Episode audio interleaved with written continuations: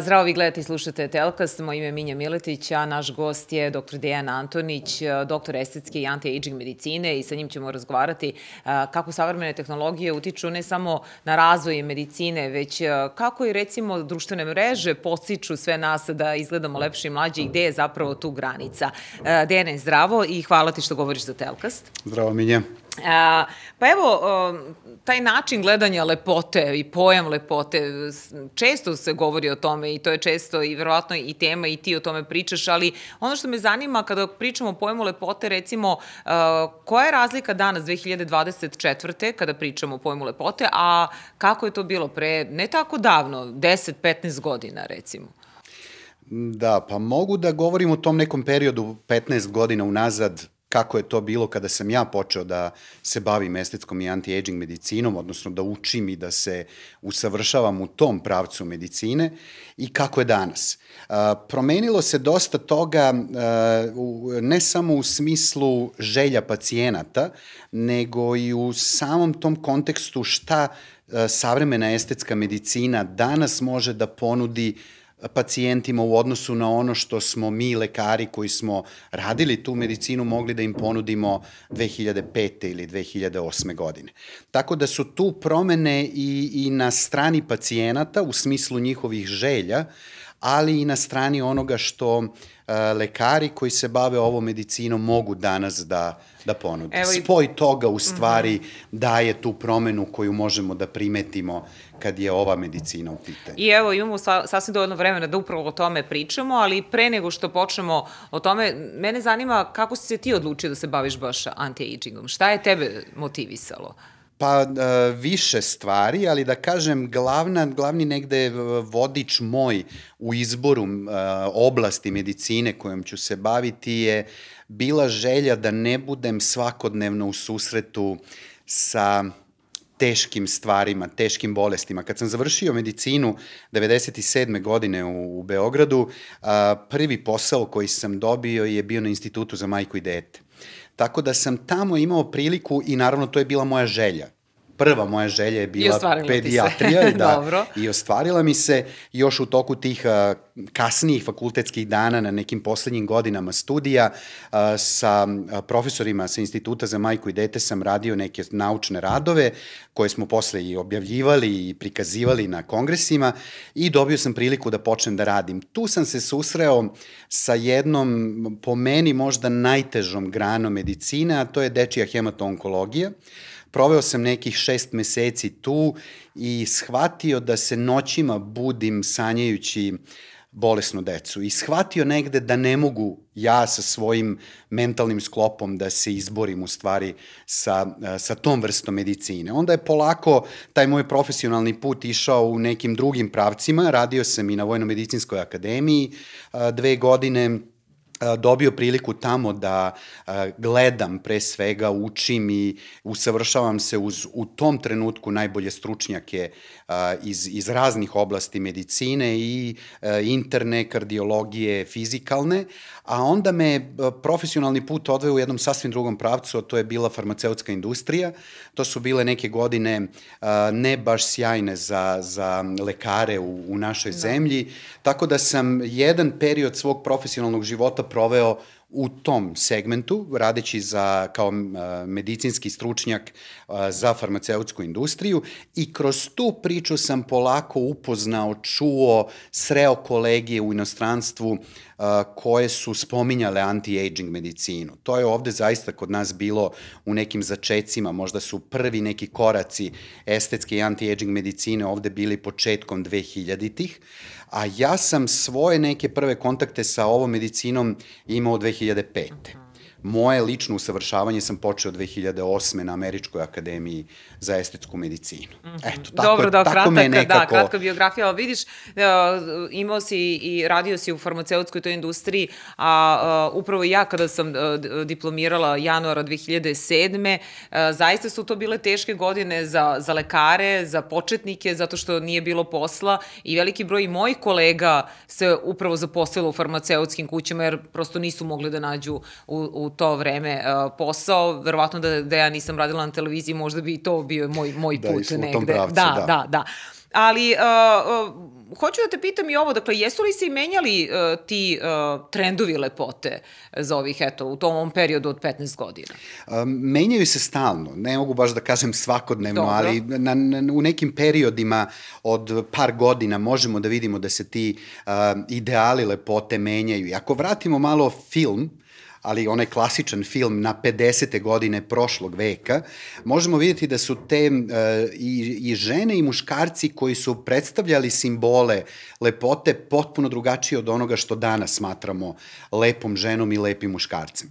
Tako da ne znam da li je to trend ili prosto evolucija i, i psihološka i fizička ljudske vrste vodi ka tome da se ti ideali šta je lepo menjaju. Mislim da uh, stalno jedno lepo dosadi ljudskom oku. Mm -hmm. I da prosto ljudsko oko traži tu promenu. Da, pa, pa onda naravno mi pratimo yes. tu želju da. ovaj, ljudskog oka da budemo drugačije lepi. A šta je za tebe lepo? Dakle, kada pričamo o lepoti, e, sad naravno to, o tome ne treba da raspravljati, da. svako im vratno ima... Svoju da, neku sliku. Jeste, da, ali govorimo o ženama generalno, na primjer, u 20. 30. 50. 60. godinu, preskočila sam 40.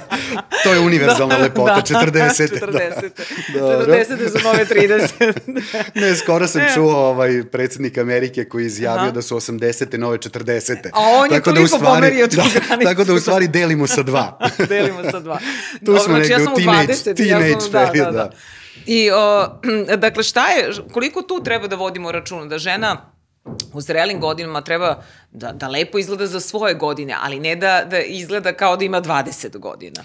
Da, tu sad da, da, s godinama i životnim i profesionalnim sam negde uh, ja naučio i da kažem razvio svoju neku formulu matematičku pošto kad podvučemo crtu u životu nam se mnogo toga svodi na, na matematiku, pa i u estetskoj medicini, da e, sve može da bude lepše, a da izgleda dobro i prirodno, ako smo u nekom opsegu plus minus 10%. Znači, možemo da izgledamo za nijansu mlađe, možemo da izgledamo uh, nešto lepše od onoga što nam, što nam je priroda i genetika što su nam dali, ali to ne treba da bude neko veće odstupanje od tog nekog procenta. Kažem, to je neka moja statistika gledajući različite i fizionomije lica i različita godišta, to što si spomenula Minja 20. 30. 40.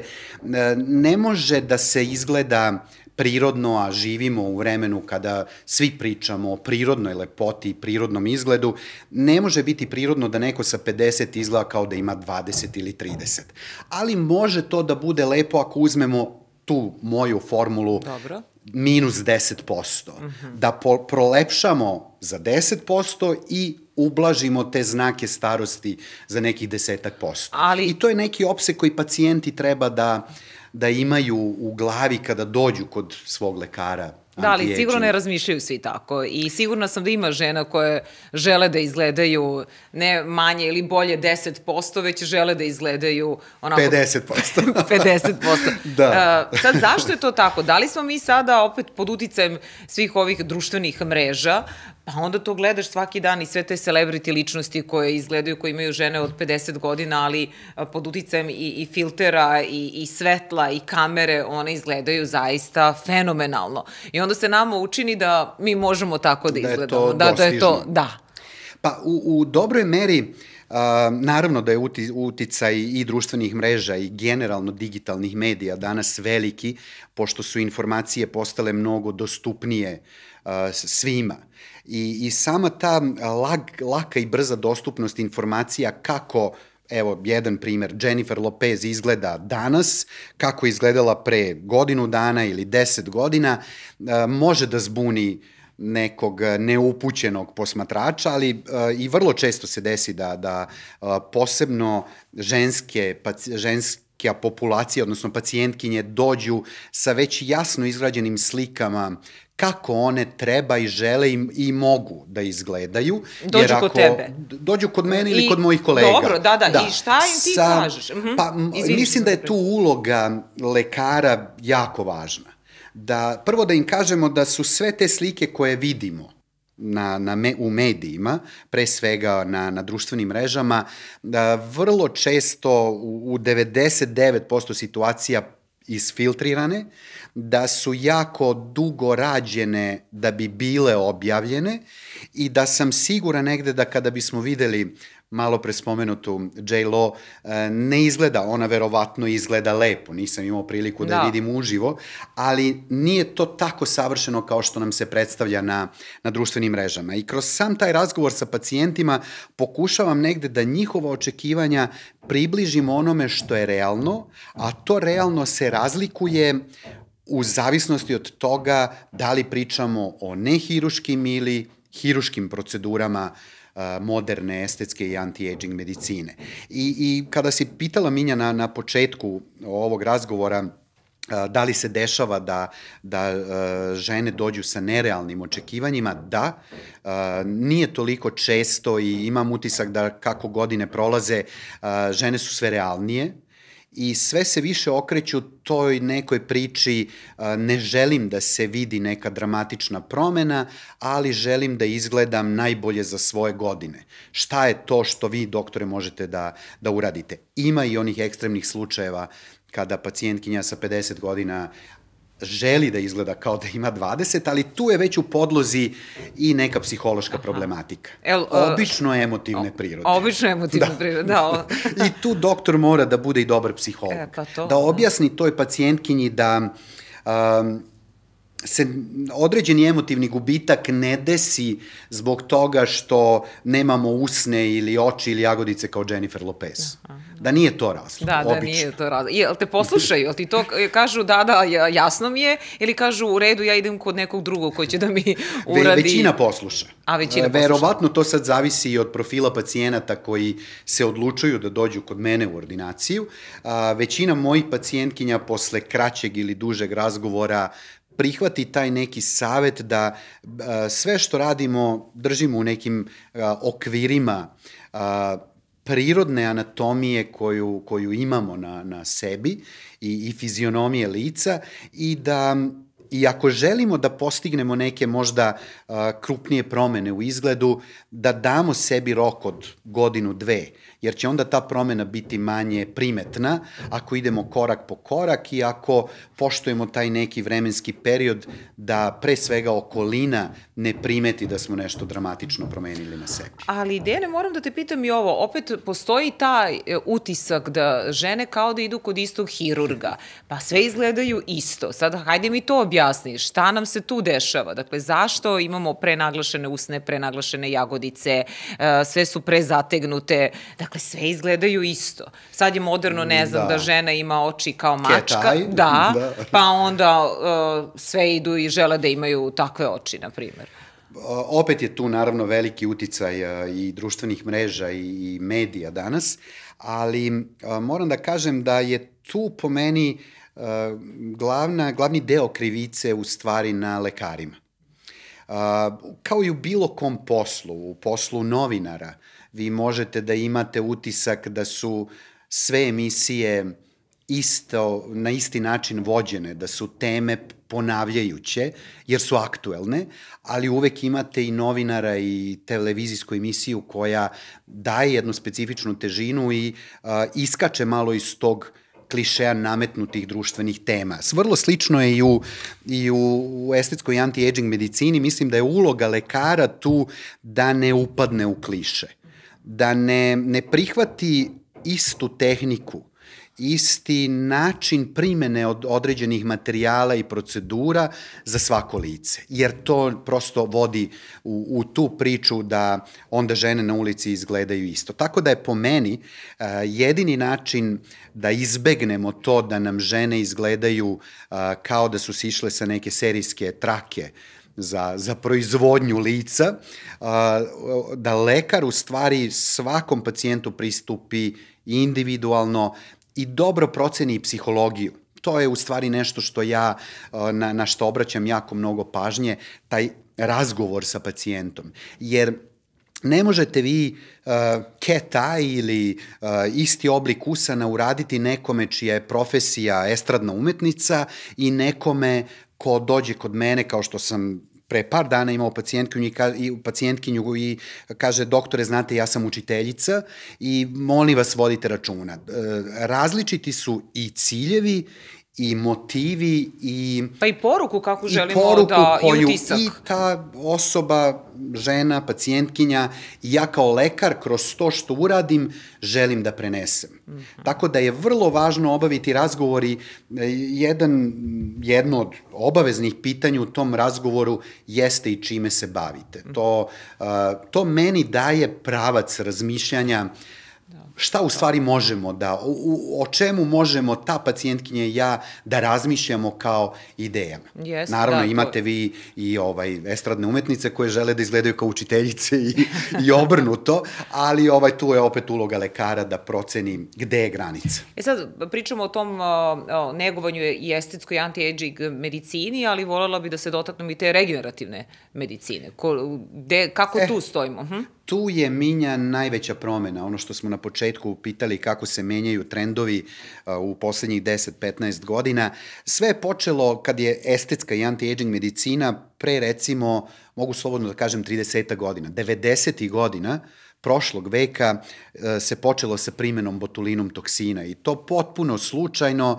Jedan bračni par, dermatolog i oftalmolog su, u stvari oftalmolog, žena koja je oftalmolog je za lečenje strabizma, odnosno poremećaja položaja i mišićne aktivnosti očnih jabučica, primenila botoks kod nekih svojih pacijenata da bi mišiće koji su pre naglašeno aktivni i vuku oko na jednu stranu, oslabila i primetila da ti pacijenti više nemaju bore oko očiju. E onda je njen suprug, dermatolog, rekao čekaj da vidimo kako to možemo da primenimo u, u, u dermatologiji. I počelo je to 90. godina prošlog veka, a onda su tadašnje velike zvezde, Madonna i, i ljudi koji su u tom momentu bili na vrhuncu svoje popularnosti, naravno počeli da primenjuju sve to. Od tada do danas, uh, botoks je i dalje tu, naravno, ali uh, sve više uh, anti-aging medicina ide u tom regenerativnom pravcu. I šta znači regenerativna medicina danas? Primena onih materijala i tehnologija koje će da izvuku maksimum iz našeg regenerativnog potencijala, regenerativnog potencijala naše kože. Jer mi od momenta rođenja imamo, Minja ti si završila medicinu pa znaš, u, u našem genetskom materijalu, genetskom zapisu imamo dezoksiribonukleinsku kiselinu i ribonukleinsku kiselinu, od kojih jedna nosi reparativnu ulogu, takozvana regenerativna reparativna ribonukleinska kiselina.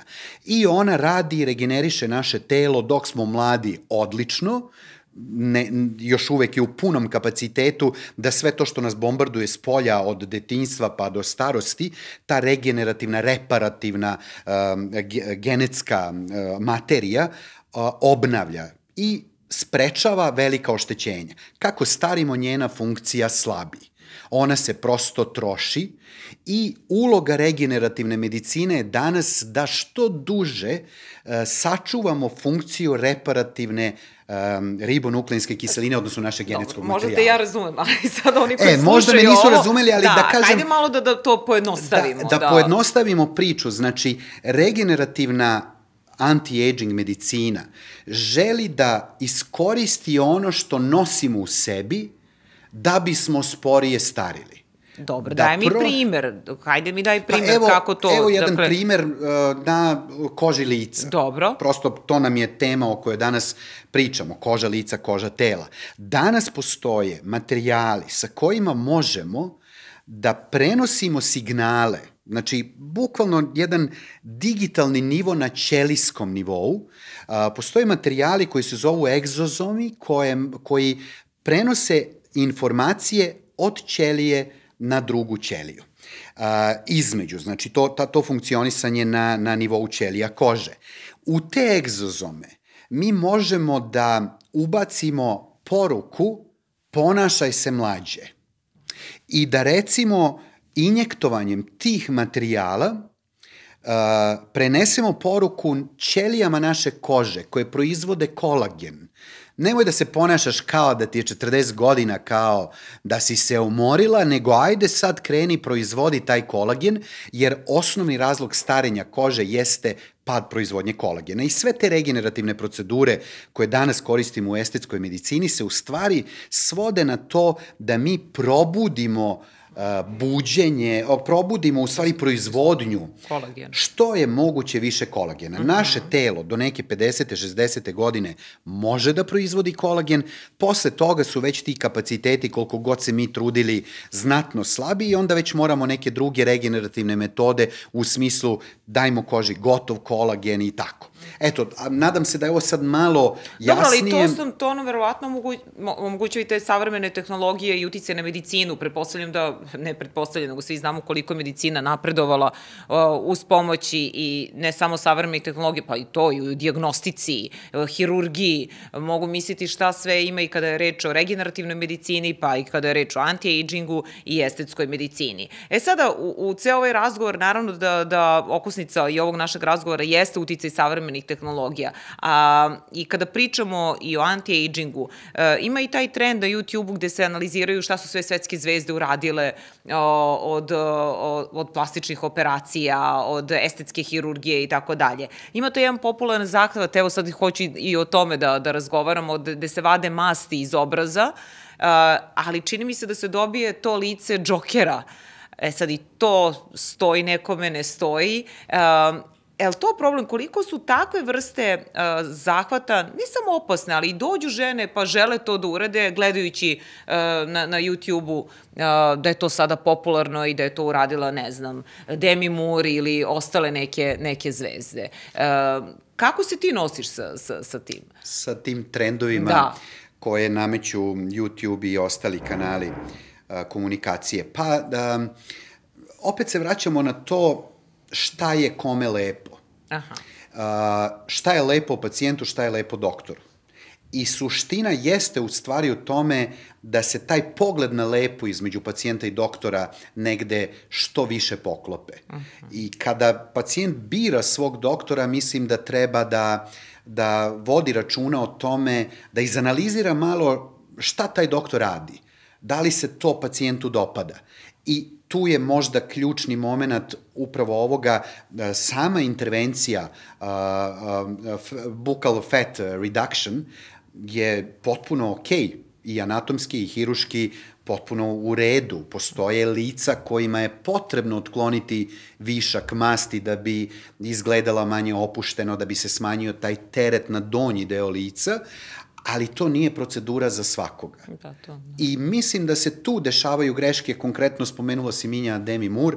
Demi Moore prirodno, od kako je znamo i od kako pratimo njene filmske aktivnosti, nije lice koje ima previše masnoće I mislim da je to samo bio u njenom slučaju pogrešan izbor procedure za njeno lice. Da, to, da. Ali sam siguran da nekim drugim licima... A koje su to lice? Dene? To su, evo sad onako plastično, da, da bi, da bi možda e, širi, šira publika razumela, to su ona buckasta lica, ali buckasta u donjem delu.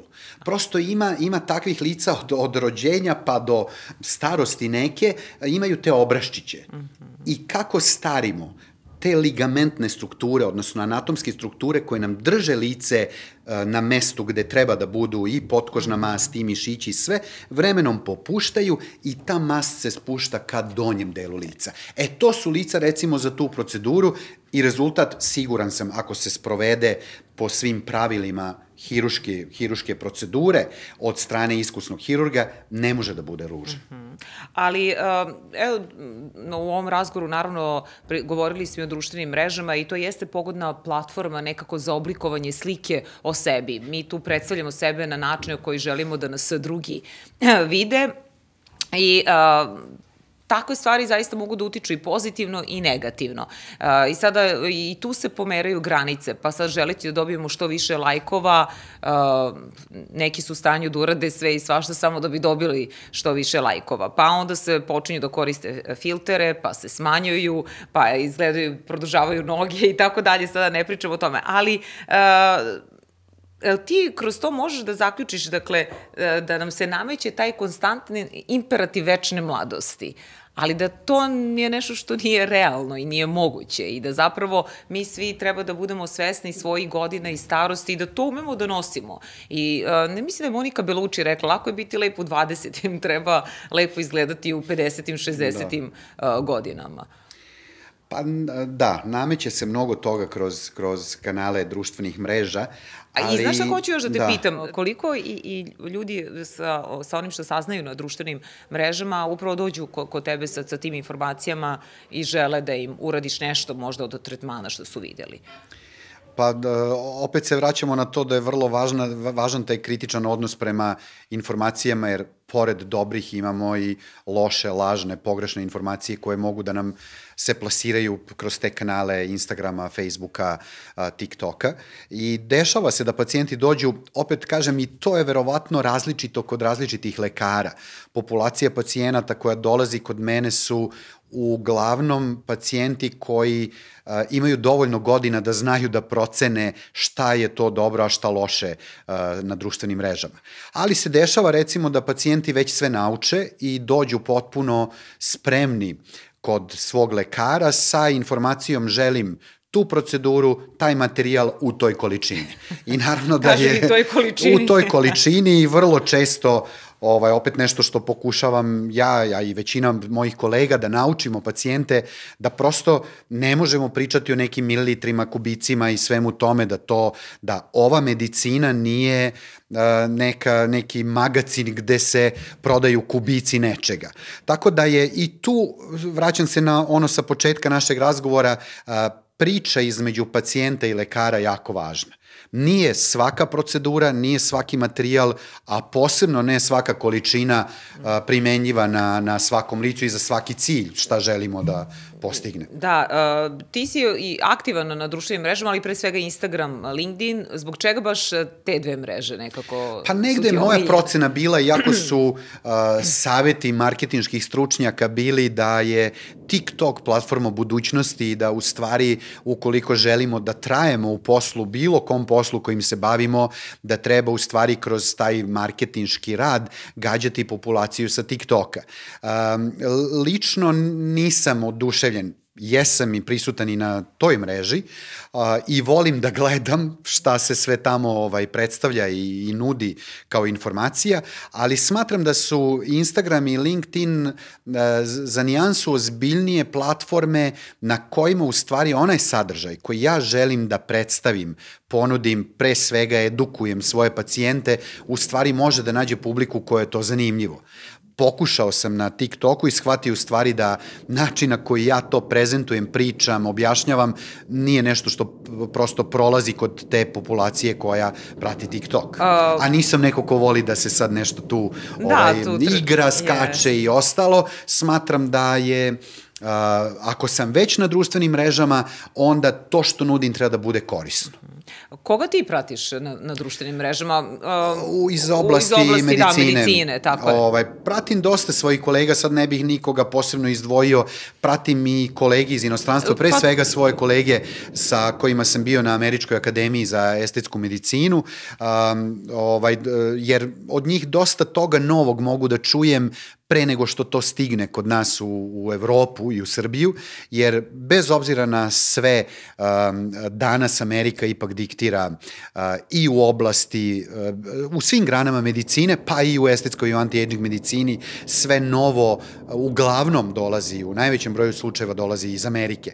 Um, tako da pratim, ali pratim i, i većinu svojih kolega u Srbiji, jer smatram to uh, kolegijalnim i, i negde uh, ima i kolega u Srbiji od kojih ja mogu da vidim nešto novo, čujem, vrlo često razmenjujemo iskustva i, i, i neke, da kažem, kritične situacije mogu da naučim od, od svojih kolega. Molim te, kako je sve izgledalo u vreme korone, kada e, smo imali onaj lockdown, kada nismo mogli da radimo, kada nismo mogli, tada su nam da. i mreže i služile i za komunikaciju i za savetovanje. Je li bilo da, tada... Mnogo, mnogo toga je ostalo i danas. Ali jeste, da. Ta mhm. komunikacija, mm -hmm. mislim da nas je ne samo u ovoj oblasti medicine, nego u, u svim segmentima života korona naučila da možemo da komuniciramo, a da ne moramo da se vidimo, što s jedne strane je ok, ali s druge strane je ukinulo tu živu reč i taj, tu komunikaciju teta tet, da, da se vidimo, popričamo ovaj, i osetimo, prosto nije sve u rečima. Ima nešto i u, kako sam stariji, sve više verujem i u tu neku energiju, a energija ne može digitalno da se prenese. Da. Tako da sam ja i dalje pristalica toga da se sa svojim pacijentima vidim u ordinaciji, ali naravno ukoliko su oni sprečeni iz raznoraznih razloga, nekad geografskih, nekad zdravstvenih, nekad poslovnih, možemo da obavimo i, i te Zoom konsultacije. Konsultacije, da. Da šta sam preskočila? Mislim, pričamo o ženama, ali šta je sa muškarcima? I oni dolaze sigurno kod tebe... Boga mi sve više. Sve više, da, da, tako, da. oslobodili su se. Da, Pre, mislim da su se ovaj... ono krili kao, e, doktore, verovatno, ono, I hoću da uradim, je, ali... I to je jedna od tekovina koja, od promena, ono kad smo na početku uh, pitali, pričali o, o tome šta se menja, pa polako se oslobađaju upravo iz tog razloga što uh, negde i muškarci i žene shvataju da danas anti-aging medicinu možemo da podelimo na korektivnu i regenerativnu. Korektivna može da reši, odnosno ukloni neke ozbiljne promene koje smo ili dobili od rođenja ili su nastale tokom života, a ova regenerativna u stvari može da nam učini taj proces starenja nekako mekšim, da to sve ne izgleda toliko upadljivo i da se ne probudimo samo jedno jutro i vidimo kako se sve to spustilo na našem licu. I ta regenerativna estetska i anti-aging medicina je u stvari nešto zbog čega su se muškarci ovaj više upustili u celu tu priču. A i sama promena trenda da to više nije toliko prenaglašeno, da barem moj utisak je sve veći broj žena ne želi da izgleda napadno, je negde opustila i muškarce. I uglavnom muškarci koji dolaze, dovode ih ili devojke, supruge, da dođu sa njima. Znači, žene su te koje probiju led, a onda one kažu, e, moglo bi mom suprugu malo da se ne vide baš te bore na čelu toliko ili ovaj, da mu ne bude baš opušteno lice. Ali to. sećam se, jednom smo pričali uh, i komentarisali kako je vrlo važno i kod koga muškarac ide da, da radi, pa sada uh, muškarci koji imaju muške crte lica, ako idu kod lekara uh, koji mu uradi anti-aging, botoks i tako dalje, oni se pretvore u, u žensko, u, to, to zavisi, u smislu da. visoke jagodice usta. Znam da smo da. komentarisali Potpuno su na minja... ženski način je doktor sredio, na primjer, tog da, muškarca. Da, da. Potpuno su različite tehnike, materijali i pristup podmlađivanju i regeneraciji muškog lica od ženskog lica. Znači, te neke anatomske tačke e, za mušku i žensku lepotu se apsolutno razlikuju i to je nešto što nas uče u školi za estetsku i anti-aging medicinu. E sad, opet se vraćamo na to da je oko lekara jako važno. Ako taj lekar vidi tog muškarca da treba da ima velike jagodice, on će mu to i uraditi. Znači, e, mnogo je važno da, da pacijent, bez obzira muškog ili ženskog pola, odabere lekara sa kojim se pogled na lepo poklapa. Da, da, pa, da, dobro, da ono što ja smatram lepim uh, bude vrlo blizu onoga što pacijent smatra lepim. -hmm. Jer ako se tu raziđemo, možemo najbolje tehnike, najbolje iskustvo, sve, mislim da nećemo biti srećni ni ja ni pacijent. E, e nisam te pitala i kako, e, otkud od tebe su osnivač brenda Disquared? Da, da, to je zanimljivo medijima, pa ovaj, e, Dan Caton je došao kod mene u septembru prvi put prošle godine, kako ali, de? ali je taj dogovor oko njegovog dolaska trajao jako dugo. Pa kako, opet, ovaj, e, to bilo po, po preporuci? Mali, pa da, se, dobro kako se kaže, imam nekoliko pacijentkinja i pacijenata koji poslovno su na relaciji Milano-Beograd, koji su u nekim prilikama se našli u istom prostoru, na istom partiju, na istoj zabavi, proslavi sa, sa Denom Kejtanom i ovaj, prosto su dotakli tu temu. Den je pre mene, ovaj, naravno, radio neke procedure kod o, mojih kolega u Italiji.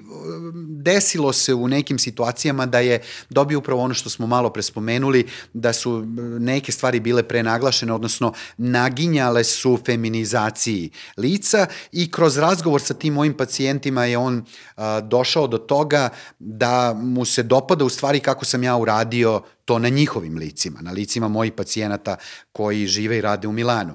I posle godinu dana dogovaranja, e, doći ću u martu, doći ću u junu, ovaj, konačno smo negde, zbog pre svega njegovih obaveza, usaglasili da je njegova prva poseta bila a, početkom septembra i napravili smo plan, jer kao i u svakom poslu, tako i u, i u ovom mom, u, u ovoj medicini koja radim, jako je važno napraviti plan, jer ne može ništa preko noći, ne može ništa odjednom, ali ako se dogovorimo da se godišnje vidimo dva do tri puta, on i ja smo se tako dogovorili, onda ja mogu da obećam njemu da ćemo za dve, tri godine postići jedan rezultat sa kojim će on biti zadovoljan, da okolina neće primetiti neku prenapadnu promenu i da će mu reći, e bre, izgledaš isto, ne menjaš se uopšte, što negde Kao po meni... Kao Tom Cruise, na primjer, ili Brad Pitt. Pa u jednom momentu A? i Tom Cruise imao neke Ima. izlete Aha. ekstremne, ovaj, po, po meni pre, na, pre naglašenih promena uh -huh. na licu, ali na svu sreću ovaj, shvatio je to ili mu je već neko iz njegovog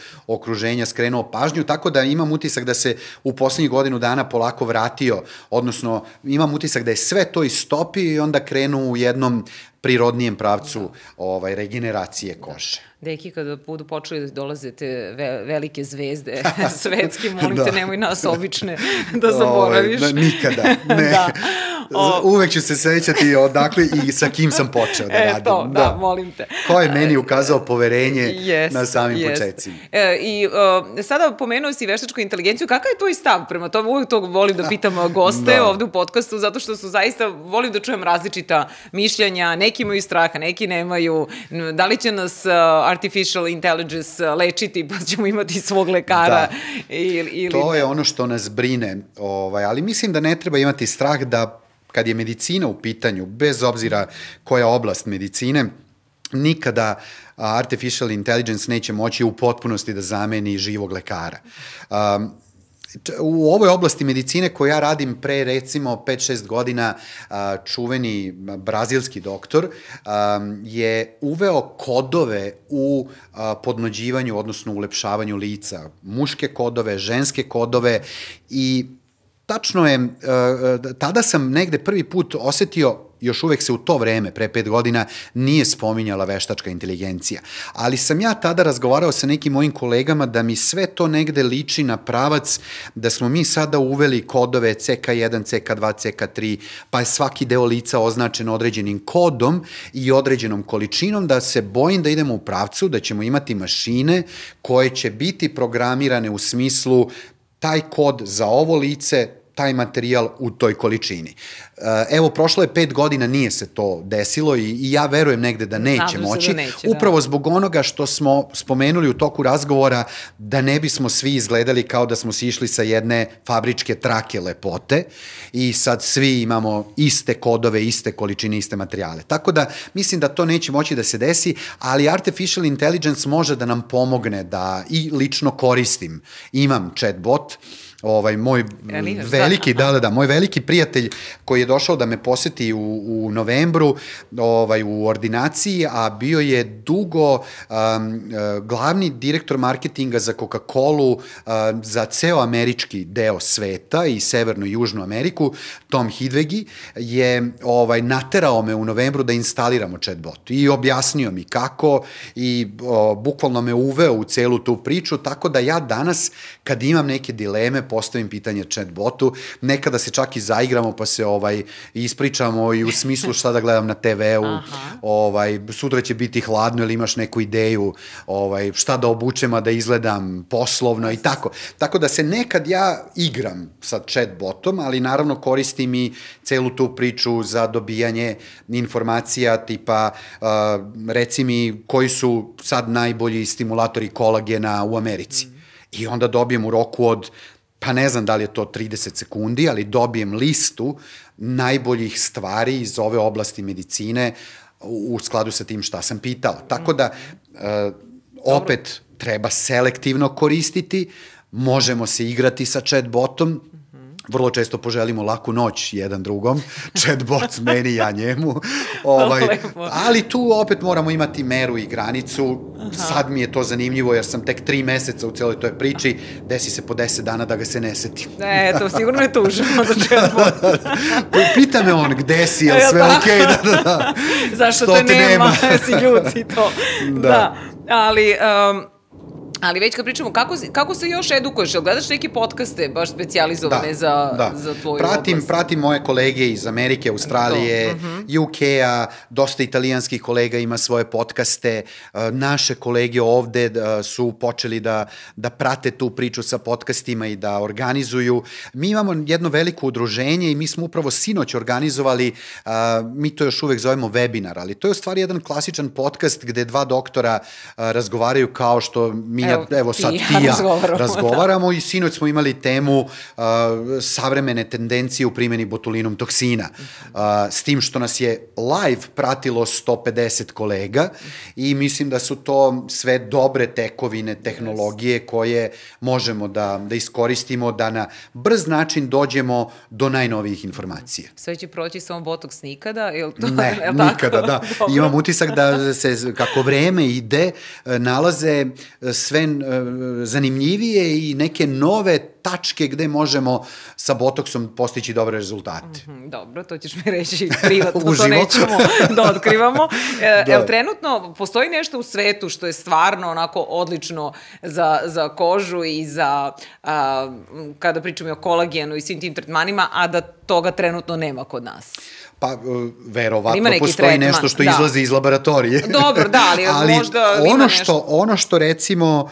Uh, sad može da se primeni na najboljoj klinici u Njujorku ili Majamiju ili Londonu, Tokiju, mislim da 95% tih stvari može da se primeni kod nas ovde i ja bih bio jako srećan ako bismo u što većem broju životnih segmenata pratili svet kao što ga pratimo kada je estetska i anti-aging medicina u pitanju. Tu smo mnogo ispred zemalja u regionu. Da. I verujte mi da, da dosta pacijenata a, dolazi iz Hrvatske, Slovenije i okolnih zemalja u Beograd, jer smo negde mi sebe pozicionirali kao trendsetere kada je estetska i anti-aging medicina u pitanju. Prosto volimo da budemo lepi i mladi. E, jeste, da. Dobro, evo sad imam jednu brzu rundu pitanja. A, pa onako što kraći odgovori, molim mm -hmm. te. A, Android ili iPhone? iPhone od prvog dana Dobro. pametnih telefona. Uh, PC ili MacBook? MacBook, zbog dizajna i lepote. E, da. Evo esteta, nema šta, Twitter ili Facebook? Uh, zavisi šta. Ako želim da se informišem o nekim društvenim dešavanjima, onda definitivno platforma X. da, X, tako da. je. To Ali moramo da ispravimo. za konkretno ono što, što ja primarno zašto koristim društvene mreže, Facebook i Instagram, mm -hmm. da. Mhm. Dobro, TikTok ili, da, TikTok ili Instagram, Instagram, Instagram dobro. definitivno. Uh, Netflix ili HBO Max? I jedno i drugo zavisi od sadržaja. Netflix mi je lakši za korišćenje, ali nekad su sadržaji bolji na HBO Maxu. Netflix ili Disney Plus, to nećete pitati. Netflix, Netflix. da. El bingeuješ serije i koje? Da. Uh, binge-ujem serije, pa evo sad trenutno White Lotus. Aha, da, sad trenutno, o tome pričaju. Ovaj, pričaju jer sam nedavno čuo informaciju da će naš glumac Bitković biti ovaj, u trećoj sezoni, pa sam hteo pre treće sezone da odgledam prvu i drugu, ali binge-ujem i domaće serije. I domaće da. serije. Sada, ali si gledao one serije režime u anatomiju, Dr. House? Jesam, tako da, to one su negde u, u jednom procentu moje odluke ovaj, usmerile mene da razmišljam u pravcu estetske medicine. Režime je recimo serija koja je upravo u to vreme kad sam ja donosio odluku u kom pravcu želim svoju medicinsku profesiju da usmerim, sam gledao tu seriju. Dobro, glasovne poruke ili SMS? Uh, trudim se da pratim, ovaj, ako mi neko napiše SMS, ja odgovorim, ako neko pošalje glasovnu, da Odgovor. da ispratim trend. da. A dobro, Whatsapp ili, ili Viber? Uh, Jedno i drugo, opet, zavisi ko je. Imam prijatelje sa kojima sam samo na Whatsappu, a sa nekim samo na Viberu. A kupovina uživo ili preko... Stari, imam utisak, stariji više vole Viber, a Aha, mlađi e, Whatsapp. E, jest. Da, meni tata preko Vibera. Evo ti i ja smo na Whatsappu. Evo ti i ja smo na Whatsappu, mi smo ti mlađi, tako je. Da. Dobro, kupovina uživo ili preko aplikacija?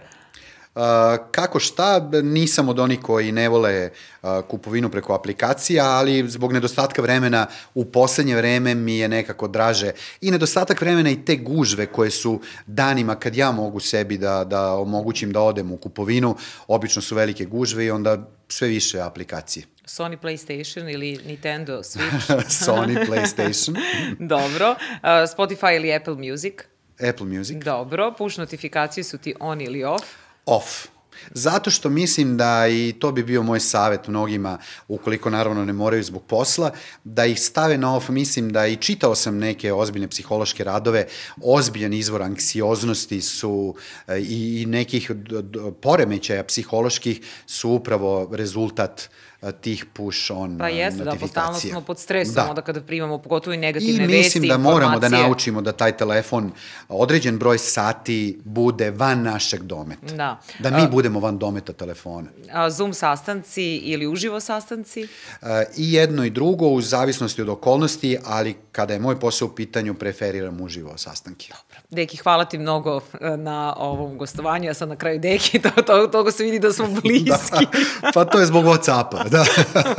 te da. komunikacije mladalačke. Ove, hvala puno na pozivu, eto, nadam se da je bilo, Normalno smo meni je bilo zanimljivo. Meni I meni isto, nadam se da će i našim slušalcima i gledalcima, hvala i vama, doktor Dejan Antonić je bio je naš gost.